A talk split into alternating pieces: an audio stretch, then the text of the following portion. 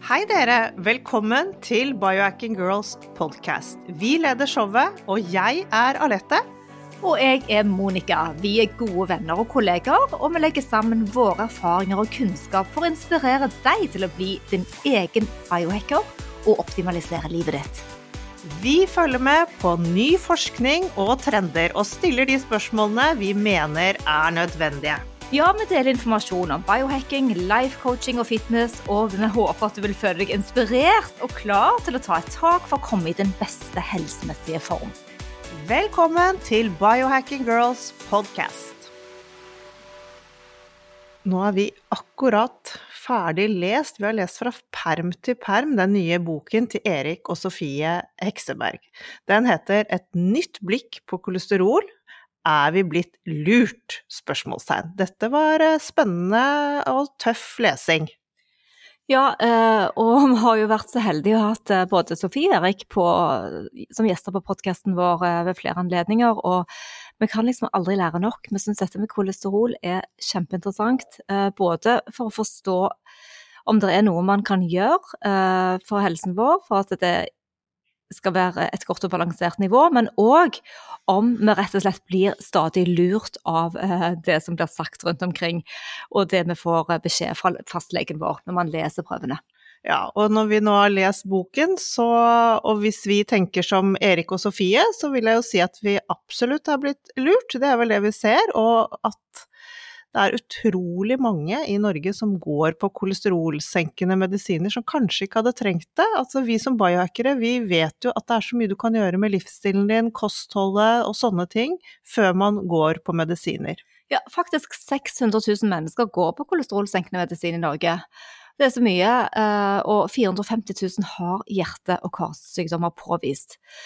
Så det er jo klart at dette er et tema vi er nødt til å fordype oss i, og i dag så er det jo Erik Hekseberg som er vår gjest, og vi snakker mye om innholdet i boken, og hvordan han ser på helsesituasjonen i Norge, hvilke kostholdsanbefalinger vi får, om vi kan stole på disse. Hva syns du eh, om det han forklarer rundt dette, Alette? Jeg syns uh, vi får oppklart en del, vi får begreper som vi får forklart, og han forteller jo også litt om historien bak, hvordan, hvordan, dette skjedde, at vi plutselig ble lurt, og særlig dette med transfettet, hvordan det har påvirket ekstremt mye av det som har skjedd rundt kolesterol i den senere tiden. Og så oppklarer han litt rundt alle de der redslene vi har, da. Er det skadelig å ha høyt kolesterol, eller får man tette blodårer om man spiser fet mat? Og du og meg da er helt ute å kjøre, for vi spiser jo mye fet mat. Og vi har jo også veldig høyt kolesterol begge to, hvis du, vi skal temme. Men ifølge Erik og Sofie så så trenger vi jo dette kolesterolet. Kroppen lager det jo selv. Hvis vi prøver å, å, dempe det og ikke vil ha det, så er det helt essensielt. Og særlig i hvordan vi produserer D-vitamin er det jo superviktig. Og nå er vi litt spente på hva dere der hjemme tenker. Tror dere at vi får tette årer av å spise fet mat? Og vet dere hva som forårsaker eh, åreforkalkning, tette årer? Ja, det skal bli spennende å høre. Ja, så, men hele, hele, intensjonen vår både med podkasten og med å spre informasjon, er jo å se på de mulighetene vi har til å holde oss så friske og oppegående så lenge som mulig. Vi har lyst til å optimalisere helsen vår. Og så er det tilbake til det at vi ønsker å se på det bakenforliggende. Og det er jo klart at har du fått et hjerteinfarkt, så det er ikke da du ser på um, situasjonen på hva du har gjort de 30 årene før. Så her og nå, det er nå vi skal agere. Det skal vi. Så, og da gjør man det ved kosthold, blant annet. Mm. Og mhm. vi er jo veldig glad i eh, ketomat. Det er vi, og det får du høyt kolesterol av, og det lever jeg godt med, i hvert fall. Så tilbake igjen til hvorfor får man disse sykdommene? Hvorfor blir årene tette? Hvorfor lider man av hjerte- og karsykdommer? Eh, fordi det er sånn nå, sier Erik, bare hør på episoden, at eh, man har mer kontroll på hjerte- og karsykdom pga. medisiner, pga. statins, pga. Uh, stent. Ja. ja. Man kan faktisk leve med hjerte- og karsykdommer. Så da hopper vi inn i episoden. Håper dere koser dere like mye som vi alltid gjør sammen med Erik Hekseberg. Hei Erik, så hyggelig å ha deg tilbake på podkasten vår, og gratulerer med bok! Den har vi, Monica og jeg, hatt veldig glede av å lese. Tusen takk for at du ville komme. Takk for å bli invitert, og veldig hyggelig og spennende at dere har lest boken. Du, Hvordan har det gått å skrive bok med kona? Ja, det går faktisk bedre enn man skulle tro. Selv om eh, Eh, jeg får hele tiden instruksjoner om da å prøve å gjøre det litt enklere. Eh, men eh, det er jo da den lille utfordringen, og det har vi jo fått også fra redaktøren vår. Så, men det er et komplisert emne, og eh, vi skal også ha litt sånn Føler at vi må ha litt dekning for det vi skriver. Og da må vi ofte kanskje gjøre det Ta med litt mer detaljer enn en det som er nødvendig for alle. Men det er nødvendig for det vi vil kalle for vår troverdighet, og at vi faktisk har gått skikkelig inn i dette, og at vi vet hva vi snakker om. Det er nesten så man kan føle litt innimellom eh, når Sofies stemme er der, og jeg syns det er utrolig bra at, eh, at man er to, da, for da kan vi jo gjøre akkurat det, prøve å få det så forklarlig som mulig. For det er et litt komplisert tema, dette med kolesterol, som det skal handle om i, i dag. Og du Erik, du er her for å utfordre helsepersonells anbefalinger og råd. Men er det så ille i Norge at vi ikke kan stole på disse? Ja. si. Kort og brutalt. Det er, de rådene du får, er egentlig eh, beheftet med feil. Og det er slik at Mange av de som får høre at de har et for høyt kolesterol, har et aldeles utmerket eh, kolesterolnivå og har en sammensetning som er aldeles utmerket. Mens folk som får høre at, har, eh, at alt sammen er såre vel, har egentlig en sammensetning av kolesterol eller fettstoffene i blodet som er eh, knyttet til økt risiko for hjerte-karsykdom. Så her er det noen som går som, altså, Og summen av det blir ganske mye feilinformasjon. Dette kommer vi tilbake til. Men, men, hvordan ble det sånn? Kan du være så snill å gi oss et kort historisk tilbakeblikk, kostholdsanbefalingene, og hvordan endte vi opp her? Endringene som skjedde i 2015 blant annet, og ja. Jo, men jeg skal ta litt av eh, Jeg kan ta den korte historien. er jo at eh, Særlig etter eh, eh annen verdenskrig så får vi en eh, slags epidemi av eh, hjerte-karsykdom. Og det blir plutselig en voldsom økning utover i 60-årene og 70-tallet med hjerte-karsykdom. Og eh, da er det noen som mener at dette her skyldes at vi spiser for mye fett. Og eh, man ser en sammenheng, en statistisk sammenheng med et høyere kolesterolnivå. Og, finner, og noen finner da en sammenheng med et økt inntak av fett, og at dette henger sammen med det hele. Eh, det som man da etter hvert begynner å skjønne, det er at eh, det er ikke et hvilket som helst fett som er problemet.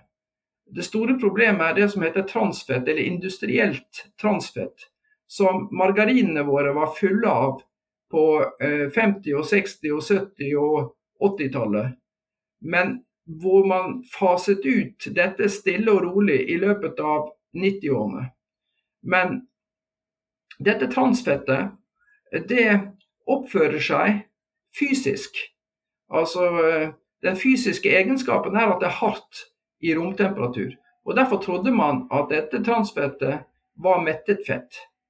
Men biokjemisk så er det ikke mettet fett.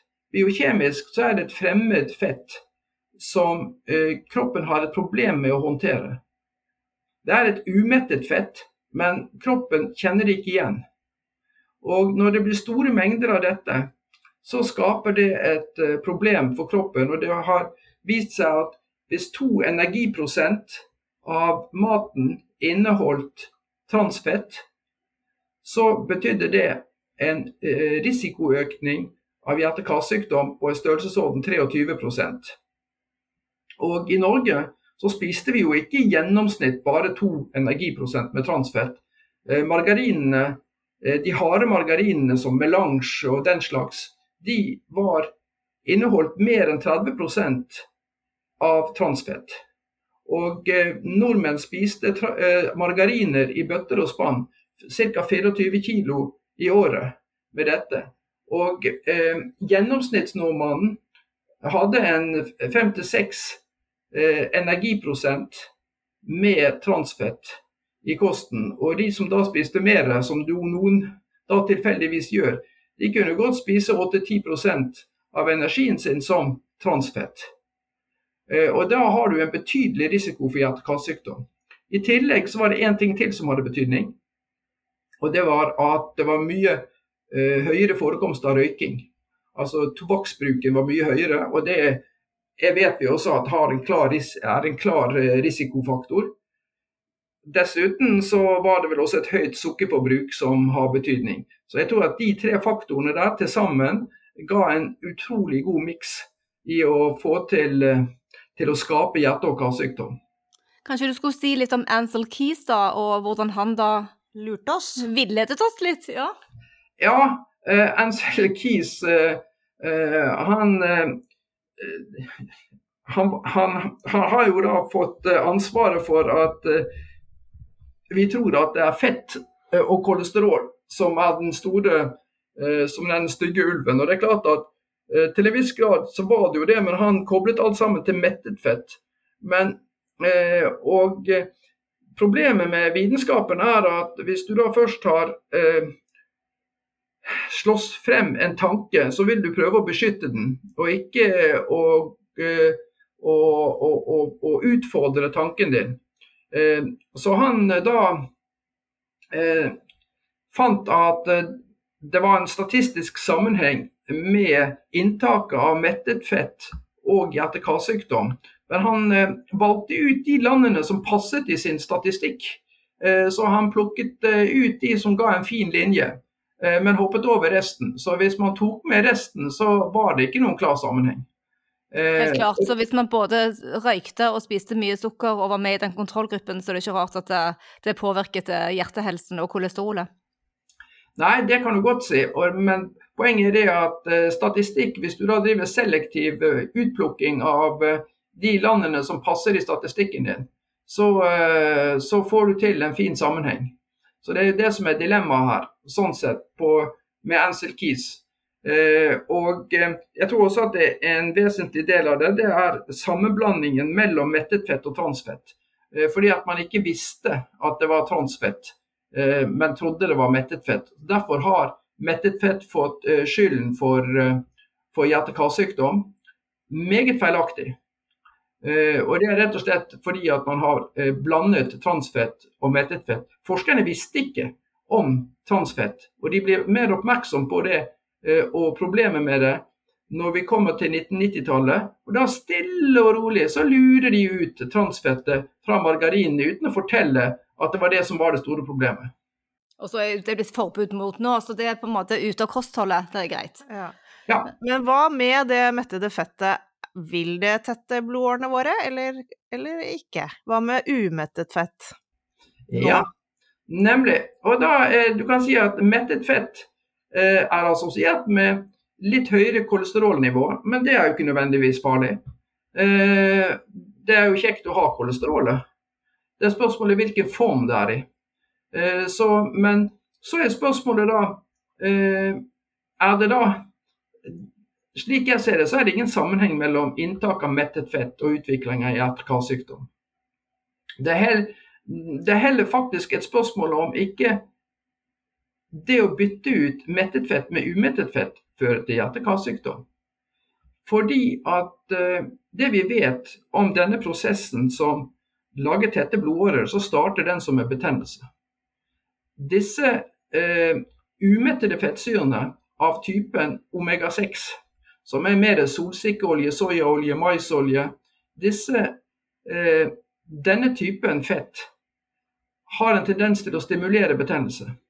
Og, er, eh, og så trodde man jo da at ved å bytte ut mettet fett med flerumettet fett, hvilket da reduserer kolesterolnivået, så skulle man jo da redusere forekomsten av hjerte-karsykdom. Men det er jo da gamle studier som viser at det gjorde man ikke. Eh, til og med Ansel Keys levde jo i den villfarelse, og eh, gjorde en studie i Minnesota hvor de skulle redusere eh, hjerte-karsykdom i sykehjem og psykiatriske institusjoner hvor de kunne kontrollere kostholdet veldig godt. Men det var jo en stor skuffelse. For det reduserte ikke hjerte-karsykdom. Til tross for at kolesterolnivået gikk ned, så økte det forekomsten av hjerte-karsykdom.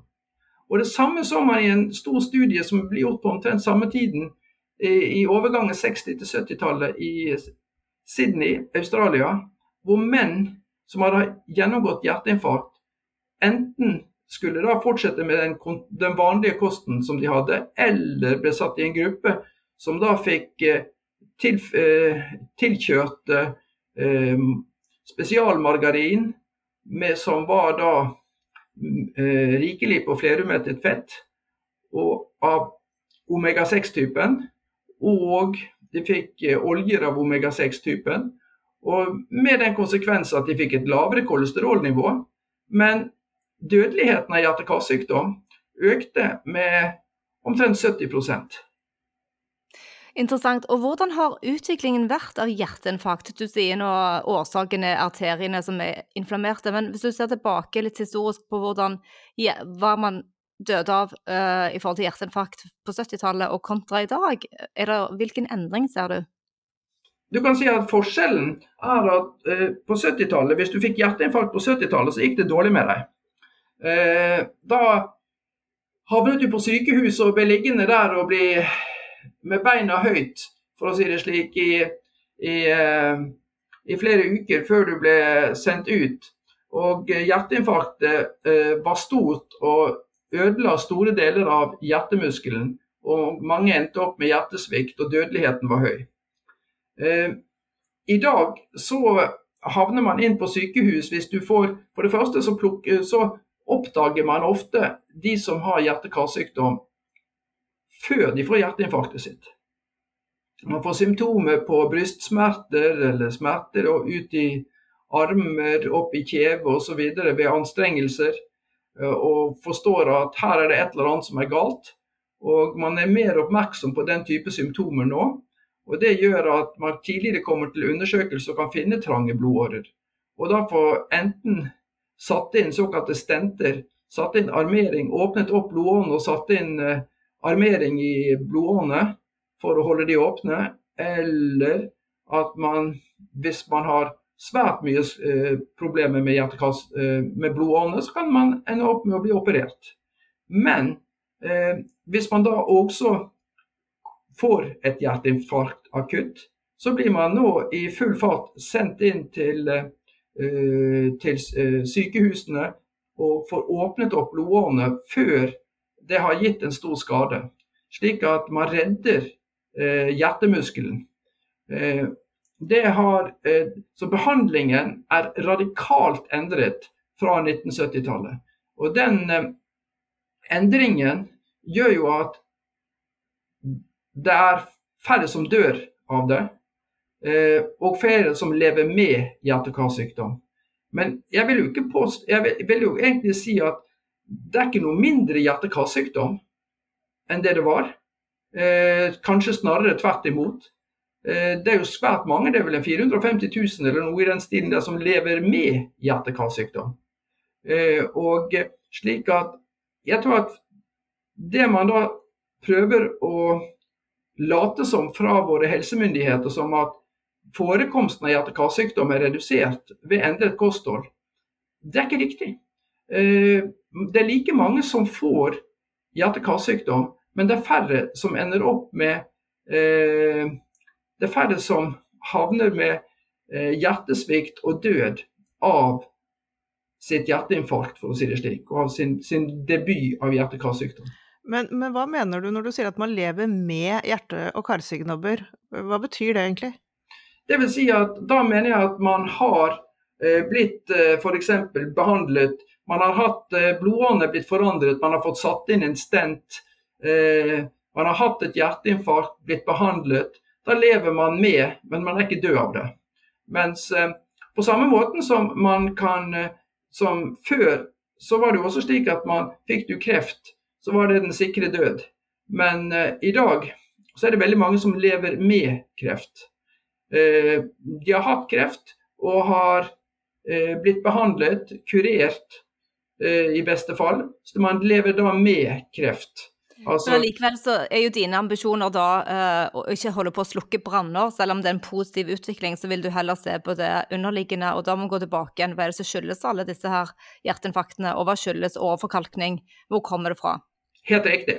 Det er klart at det at vi skal ha god behandling, selvfølgelig, altså det er jo helt topp. Men uh, vi, vi, kunne jo greie å unngå sykdommen. Det er jo det aller beste. Men uh hvor mye fett i prosenter spiser vi i dag? Er det likt som for ti år siden?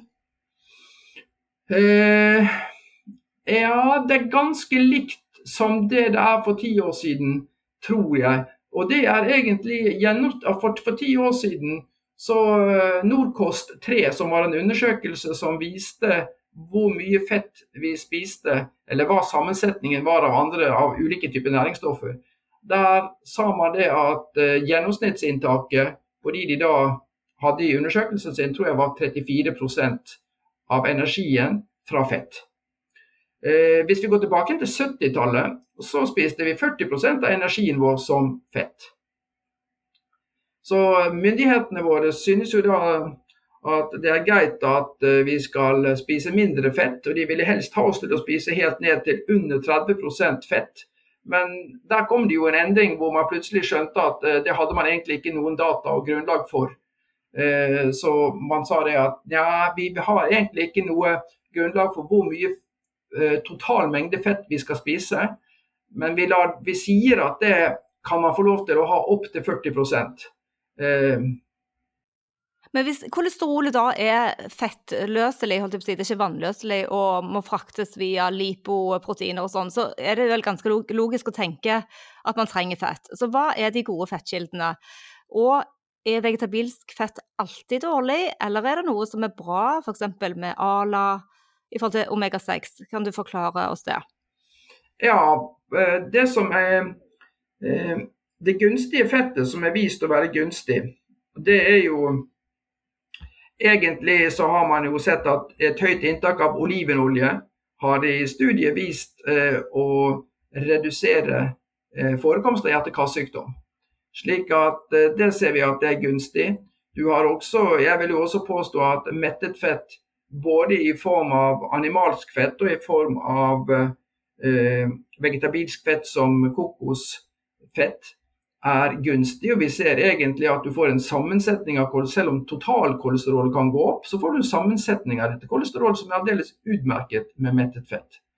Eh, også, det er også gunstig med omega-3-fett. Eh, eh, men dilemmaet med den plantebaserte omega-3-fettet, som eh, alfa-linolensyre, som da er en eh, den viktigste fettsyren da er jo at kroppen er litt dårlig til å omdanne den til de lange omega-3-fettsyrene. Så det kan være lurt å få tilførsel av de lange omega-3-fettsyrene som er mer det vi kaller EPA og DHA, eh, som vi finner i særlig fiskefett, eh, tran, eh, er gunstig å også ha et inntak av. Men Erik, kan ikke du bare forklare oss hva er eh, kolesterol, og hva er triglycerider? Dette er begreper som vi hører hele tiden, men jeg tror ikke så mange egentlig helt vet hva det er. Kolesterol det er et molekyl som kroppen lager selv, og som vi selvfølgelig også kan spise. Eh, men vi har en eh, rikelig produksjon av kolesterol selv. Vi trenger kolesterol både til der bygges det i cellemembranen i kroppen. Det brukes til å bli skilt ut fra i gallen for at vi skal kunne ta opp fett fra tarmen. Kolesterol inngår også i, som skjelettet i kjønnshormoner og diverse andre hormoner. Det er også skjelettet i vitamin D, som da et, et kolesterolmolekyl blir omdannet først i huden, eh, og så i lever, og så i nyrene, til å bli et aktivt D-vitamin. Så kolesterol er helt sentralt for oss. Eh, det, er, eh, det må vi ha. Men så er det da spørsmålet om det å få for mye av det er et problem. Jeg mener at problemet er ikke mengden kolesterol.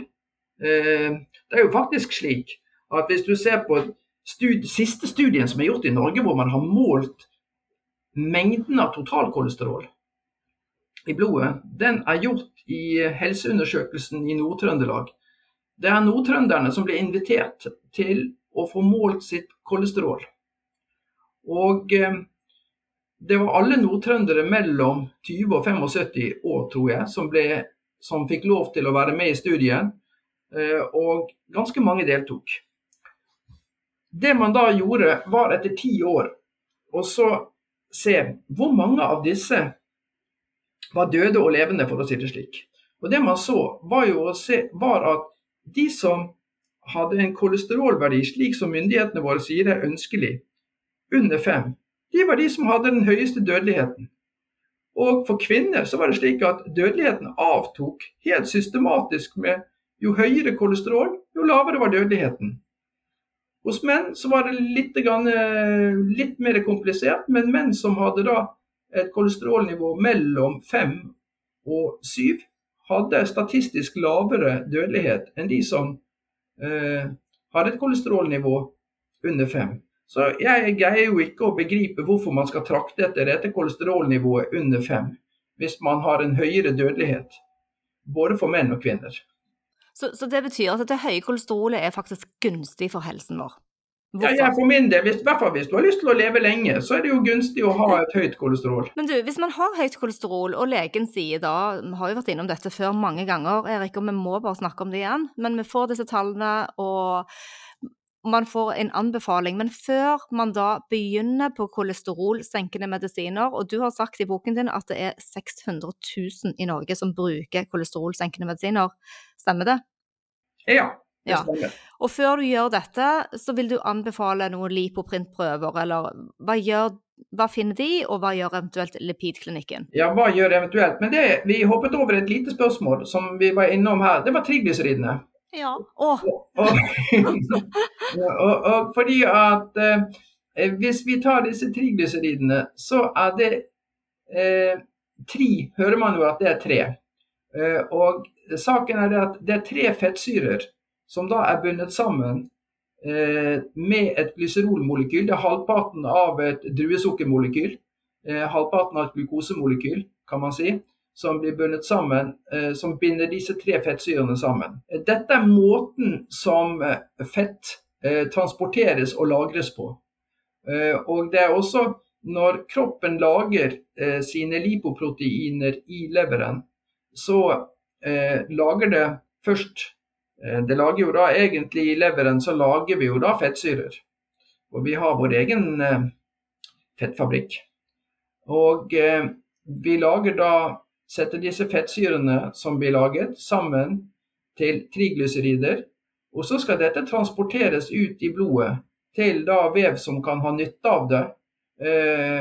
og da transporteres det i form av lipoproteiner, og i disse lipoproteinene så inngår kolesterol og disse triglyceridene i en salig blanding.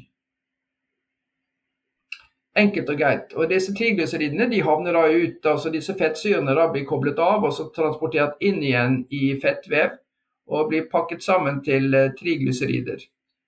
Slik at uh, det er uh, den måten kroppen lagrer det på. Og ja, så det er egentlig den formen vi har det på i, i, i fettvevet. Ja, men det, det, var veldig oppklarende og god forklaring. Men så kommer vi jo da, som vi snakket om i sted, til legen, og vi får beskjed om å, å ta medisiner for å senke kolesterolnivået. Og det er veldig ofte da fordi dette som de kaller det bade, eller det dårlige kolesterolet, LDL, er for høyt. Hva sier du da? Ja, da sier jeg at eh, et høyt LDL-kolesterol eh, er ikke nødvendigvis farlig. Det er jo de gamle studiene som da, hvor man da eh, eh, Som var fra transfettets tid. De viste en sammenheng mellom et høyt LDL-kolesterol og eh, hjerte-karsykdom. rent statistisk.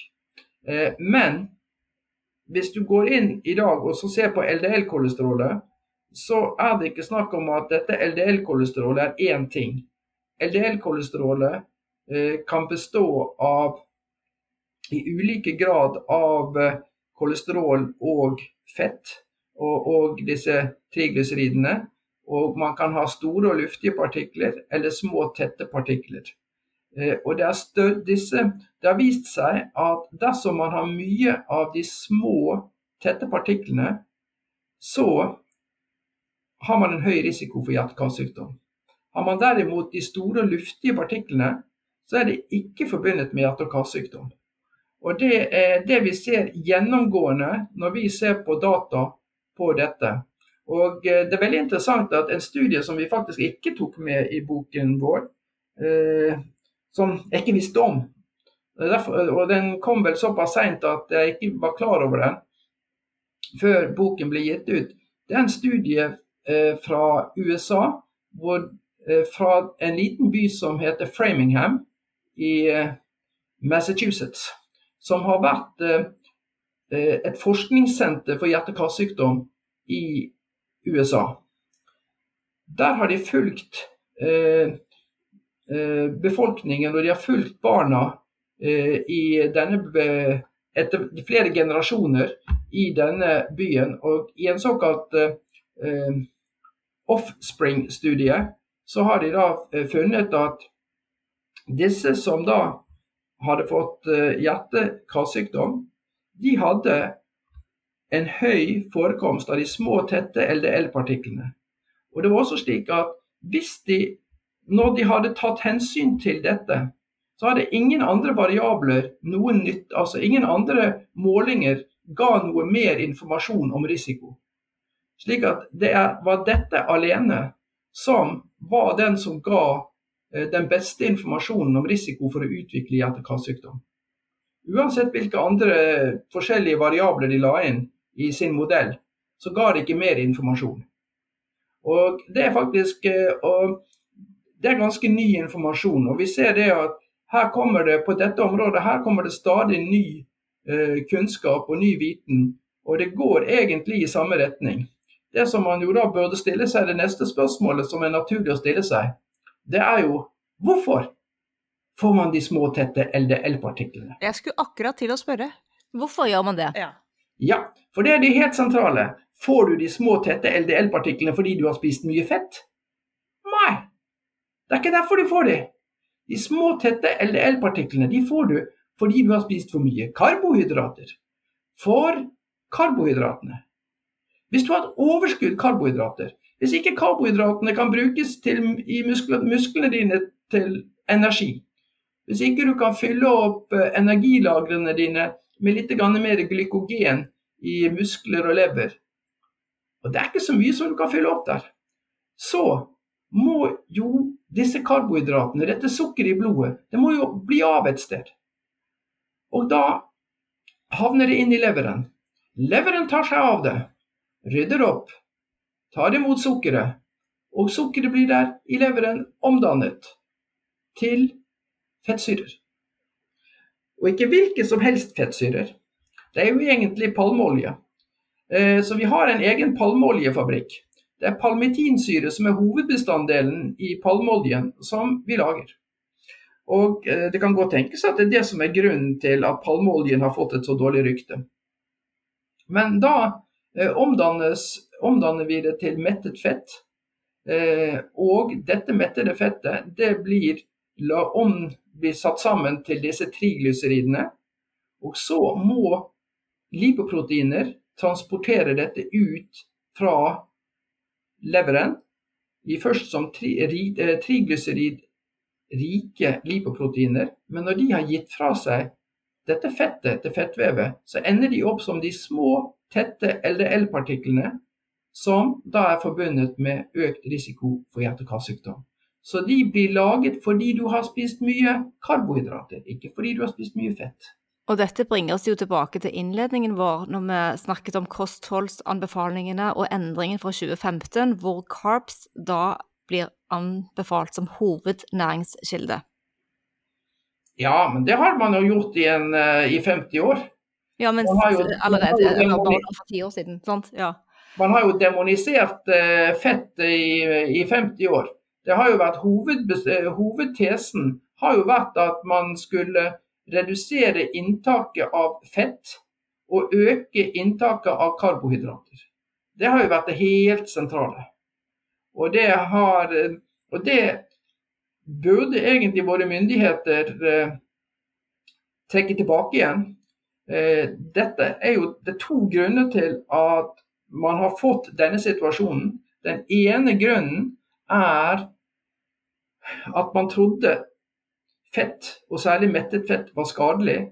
Men det var altså transfett som var skadelig, og som da er fjernet i all hovedsak fra kostholdet. Den andre grunnen til at ting går aldeles gærent, det er at ernæringsforskerne levde i den villfarelse at kroppen ikke kunne omdanne sukker til fett. Og I hvert fall var det veldig begrenset hvor mye man kunne omdanne til fett. Og Dette har eh, professor Begge Svihus skrevet en eh, liten artikkel om i eh, Norsk tidsskrift for eh, ernæring. Eh, slik at, og Den har vi referert til i boken vår. Og det er, og, og Hvor han skriver hvordan ernæringsforskerne endte opp med å gi folk egentlig en, en, et, et, falskt råd om at man kunne spise karbohydrater uten at det eh, var knyttet til at man kunne utvikle fedme eller, ja, eller hjerte-karsykdom. Eh, og det sto til og med på sukkerpakkene at eh, du kunne trygt spise sukker uten å legge på deg, for sukker ble ikke omdannet til fett. Ja, det var jo hele den fettfrie eraen vi var inne, inne i på 80-tallet, hvor du, det skulle være veldig greit å bare ta bort fettet og spise sukkeret istedenfor. Ja ja, det var begrunnelsen lå jo da i at du, la ikke på deg av å spise karbohydrater. Så man trodde at alle eh, livsstilssykdommer ville bli forhindret ved at befolkningen reduserte inntaket av fett og spiste mer karbohydrater. Men så galt kunne man tro. Mm. Men det ser man noe endring nå i kostholdsrådene, for nå må vel de fleste ha fått med seg dette her? Er det noen endringer på vei? Nei, la meg si det sånn, Jeg tror de er rett og slett for flaue til å fortelle befolkningen at de har tatt så grundig feil. Eh, så Derfor så får du egentlig helt minimale endringer. Du har fått da den endringen at det er greit å spise eh, opptil 40 energiprosent med, eh, med fett. Eh, men det er ingen begrunnelse for hvorfor grensen er satt på 40% Den eneste er begrunnelsen for det at det er summen av det de anbefaler av mettet fett, flerumettet fett og enumettet fett.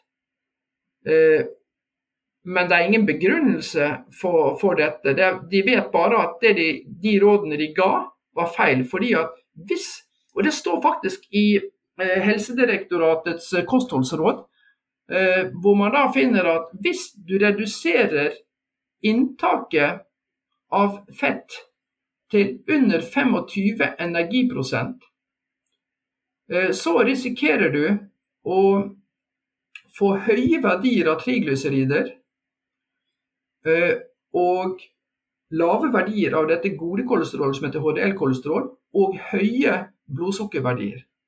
Du, og det, dette er laboratorieverdiene som er forbundet med det som heter metabolsk syndrom, som er karakterisert ved fedme, overvekt, fedme, diabetes type 2, høyt blodtrykk.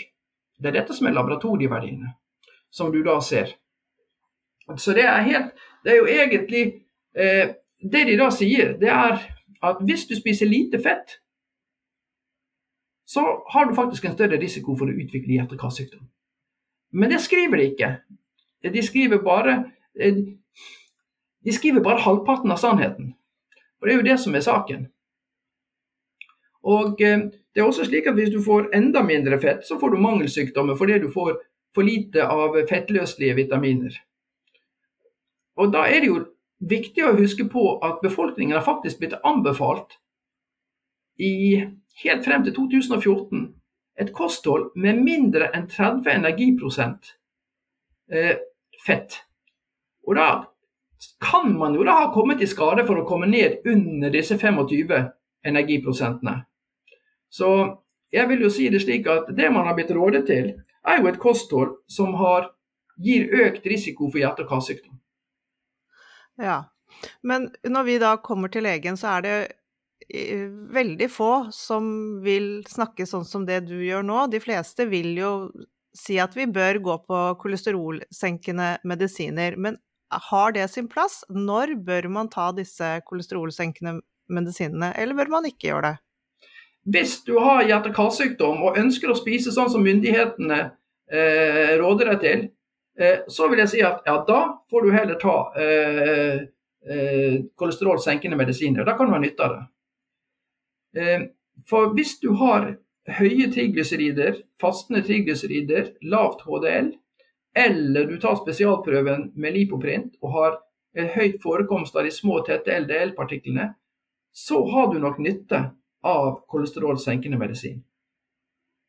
Men har du derimot de store og luftige partiklene, og har du ikke hjerte-karsykdom, har, har, du ikke fått påvist noe hjerte-karsykdom, har du ikke noen som er noen, noen slags åpenbare risikofaktorer for hjerte-karsykdom, men du bare har et høyt kolesterolnivå, så finnes det ingen dokumentasjon på at du har nytte av det. Absolutt ikke. Det er faktisk studier som har lett etter den dokumentasjonen og funnet at det eksisterer absolutt ingen dokumentasjon for den praksisen som er ved å uh, anbefale friske personer kolesterolsenkende medisin fordi de har høye kolesterolverdier. Så de som ikke kan få tak i deg for å få den gode støtten, den faglige kunnskapen du har, hva gjør de? Hvor finner de lipoprintprøver, eller hvor henvender vi oss egentlig? De må starte med å lese boken. ja, det er fint. Så, det, anbefaler vi. Ja. Ja, så, så, så, forstår de, de skal, hva, hva, de skal gjøre. Og da kan de, de, eh, de kan også selv eh, ta Da vil de også selv kunne se på de prøvesvarene de har fått, og vurdere de prøvesvarene Eh, og, og, se om eh, de ut fra de synes at de skal gå videre eller ikke. Og hvis de da lurer videre, så det å ta en lipoprint-test eh, som man kan ta hos Lab1, det er jo en god forsikring for å så vite hvordan status er. Kan vi ikke hoppe, over, hoppe, litt videre til noe som heter hyperkolesterolemi? Altså en familiær genetisk høy kolesterolverdi. Og, for det er jo da man tenker da må man i alle fall ha medisiner hvis du ligger på et nivå på Først og fremst må du forklare hva det er, og hva LPA med liten a er, om det måles. Og hvis du ligger på et nivå på 800 000, 1200, hvilke tanker har du rundt det? Ja, nå har vi ikke tatt og uh, diskutert LP lite a i boken.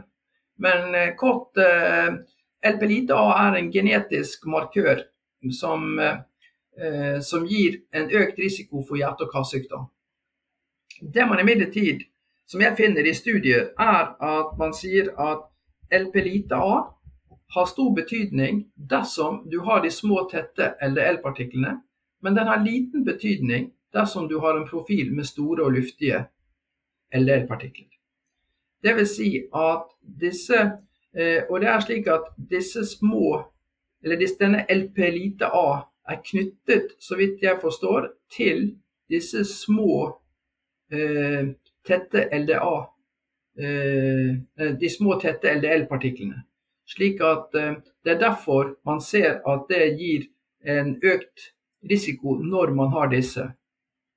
Spørsmålet her blir da eh, om man da har eh, Hvis om du da har nytte av kolesterolsenkende medisin. Selvfølgelig, det har du nytte av kolesterolsenkende medisin hvis du har de små, tette LDL-partiklene. Og da har du kanskje enda mer nytte enn andre av disse kolesterolsenkende medisinene.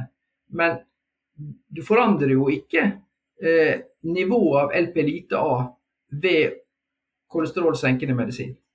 Nei, for det, det, har jeg skjønt, du kan ikke gjøre noen ting med, verken kosthold. Har du det familiært, så, så er det noe du bare alltid vil ha?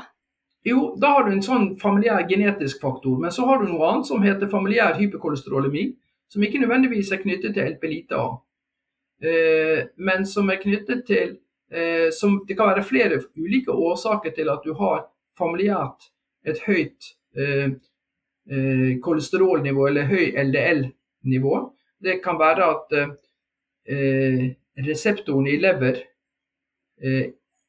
i for liten, altså at du har for lite reseptorer i lever til å ta deg av eh, dette LDL-kolesterolet når det kommer tilbake igjen til eh, leveren. Og, eh, du kan, og derfor får en høyere verdi. Det kan gjøre at levelengden på disse lipoproteinene blir lengre, og de har, har en større risiko for å bli omdannet til mer oksiderte lipoproteiner og de kan gi en mer skadelig type lipoproteiner fordi de får lang levetid. Men det er det som er det karakteristiske også med de små, tette LDL-partiklene. At de eh, har en lang levetid og er lettere for å bli omdannet til disse oksiderte partiklene som er mer skadelige for celleveggen og setter i gang betennelse. Nettopp. Ok, Hvis vi bare går litt til eh, kolesterolmedisin igjen, hvilke bivirkninger kan den gi? Bare så vi forstår alvorsgraden med å faktisk begynne på medisiner. Ja, bivirkningene det er, altså Noen får bivirkninger, andre behøver ikke å få bivirkninger i det hele tatt. Men det kan være bivirkninger som eh, noen opplever mer muskel, eh, altså vondt i muskulatur, ubehag i muskler. Andre føler at de blir mer tåkehode og får eh, påvirkning på, på, deres kognitive funksjon. Så her er det forskjellige ting som har betydning. Men samtidig oppi dette så ligger jo også de kostholdsrådene man får. Så eh, det er vanskelig å skille alltid hva som er kostholdsrådene og hva som er medisin. Eh, summa summarum eh, så ender de opp, eh, mange ender opp med å bli miserable. Eh, og da kan det jo være lurt å tenke på en annen måte enn det man da har gjort. Kanskje man egentlig burde legge om kostholdet på en litt mer fornuftig måte, eh, med litt mer fett. Og så vurdere hvordan sammensetningen av dette kolesterolet egentlig er, eh, og om man da trenger det. For legger du om kostholdet, eh, så går det an å få til en profil som gjør at du faktisk ikke har nytte av kolesterolsenkende medisin. Ja, Det er fantastisk. Vi må bare si det igjen. Altså, denne boken var veldig eh, oppklarende for oss. Vi har lest den fra perm til perm og vil lese den igjen. Og anbefaler alle å lese den eh, med nytt blikk på kolesterol. Eh, fordi at eh, man trenger mer kunnskap. Og det er som du sier, vi kan gjøre noe selv. Men du, helt til slutt her nå. Er du litt optimistisk? Ser du at det skjer noe positiv endring med tanke på kolesterol, eller? Kort og konsist nei, OK. Nei, jeg syns det jeg, jeg, jeg, er ganske pessimistisk fordi at eh, det er så sterke krefter som er ute og prøver å eh, Som har nytte av at eh, disse rådene opprettholdes. Der du har en matindustri som dessverre har nytte av at Eh, rådene opprettholdes, slik at de kan selge mer av sine produkter. Eh, matindustrien eh, er full av solsikkeolje, soyaolje og de si, billige omega-6-fettsyrene. Og et høyt inntak og høyt nivå av karbohydrater. Det er, det er stikkord i ferdigmaten. Og du har også den andre delen av dette her, så matindustrien vil egentlig motarbeide det etter fattig evne. Eller egentlig ikke fattig evne, ganske betydelig rik evne. Eh, så har du den andre delen, og det er de som lever av, og, av at du er blitt syk. Eh, og hele systemet der, altså farmasøytisk industri og hele, eh, hele helsevirksomheten lever jo av at du er syk. Det er jo ingen som lever av at du er frisk. Eh, det er jo sabla dårlig betalt. Eh, så for at tjene, for at hele helseindustrien skal tjene sine penger, må de sørge for at du er syk. Og Det ligger så mye penger i å sørge for å holde deg syk at, eh, at du skjønner at ja, eller i hvert fall så er det min følelse av at da er det så store krefter her som gjør at det er faktisk befolkningen selv som må forstå dette og ta skjeen i egen hånd. Så det er klart at de som har lyst til å holde seg frisk, er faktisk de som må ja, heve sin røst. Fordi det, det, det, kommer ikke fra myndighetene, det kommer ikke fra industrien. Det, kom, eh, det kommer ikke fra, fra, disse fra disse autoritetene som vi vil tro skulle vårt beste. Tusen takk for at du kom på podkasten, Erik Hekseberg. Eh, vi er altså alle vår egen lykkes smed. Mm. Tusen, tusen takk. Det har vært kjempespennende. Takk for at jeg fikk komme. Ha det bra. Ha det bra. Det var en superspennende samtale med Erik, som alltid gjør dette. Ja, han er jo nærmest vår husdoktor, vil jeg si. Vi kan komme til han med alt mulig. Alltid stiller han og Sofie opp. Og selv om man kanskje ikke akkurat snakker om så mange biohacks vi kan gjøre, så er vel det vi kan oppsummere med, er de gode tiltakene vi alltid jobber med. Og det er jo for det første er det jo kosthold, da. Ja, og det snakker jo Erik også om. Det at uh, har du først fått dette her, så bruk mat som medisin. Det vil hjelpe deg med kolesterolnivåene dine. Det er jo alltid et kjempegodt hack. Det er det. Og bevegelse. Kom deg ut. Eh, trene. Få nok sollys og dagslys. Eh, spise variert. Og faste innimellom. Periodisk faste. Ja, det er disse tingene som vi snakker om til, til det kjedsomme for kanskje dere alle sammen, men det gjelder for absolutt alt. Men eh, et annet hack som eh, du gjorde meg oppmerksomhet, Monica, som er kjempespennende. Hvis du først bruker disse eh, medis medisinene, disse kolesterolsenkende medisinene, og er litt eldre, eh, over 50 så er det kjempeviktig og et superhack at du også fyller på med CoQ10-supplementer, fordi det tar eh, disse statin-medisinene og ja, senker i kroppen din. Ja, for det er bivirkninger med all medisinering, så vi vil jo egentlig unngå det selv òg hvis du har familiær hyp hyperkolesterolemi, så, så, er det muligheter for å slippe å gå på medisiner.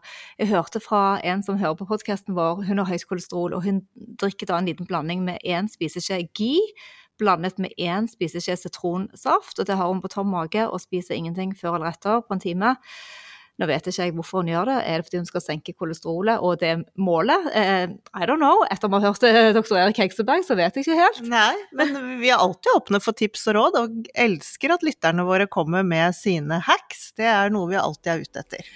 Uansett, hvis dere vil ha kontakt med Erik og Sofie Hekseberg, så har de en klinikk som heter Doktor Heksebergs klinikk, drhekseberg.no.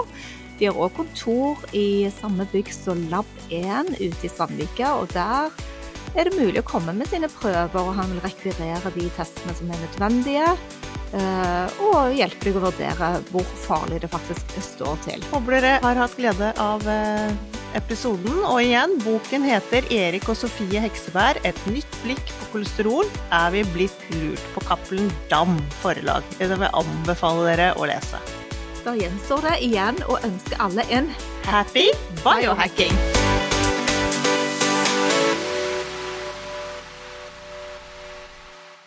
Vi minner om at dere må snakke med egen lege eller kostholdsveileder om dietter og andre spørsmål relatert til medisiner og supplementer. Informasjonen vi deler, kan ikke bli brukt til å diagnostisere, behandle, forebygge eller kurere noen sykdommer eller tilstander.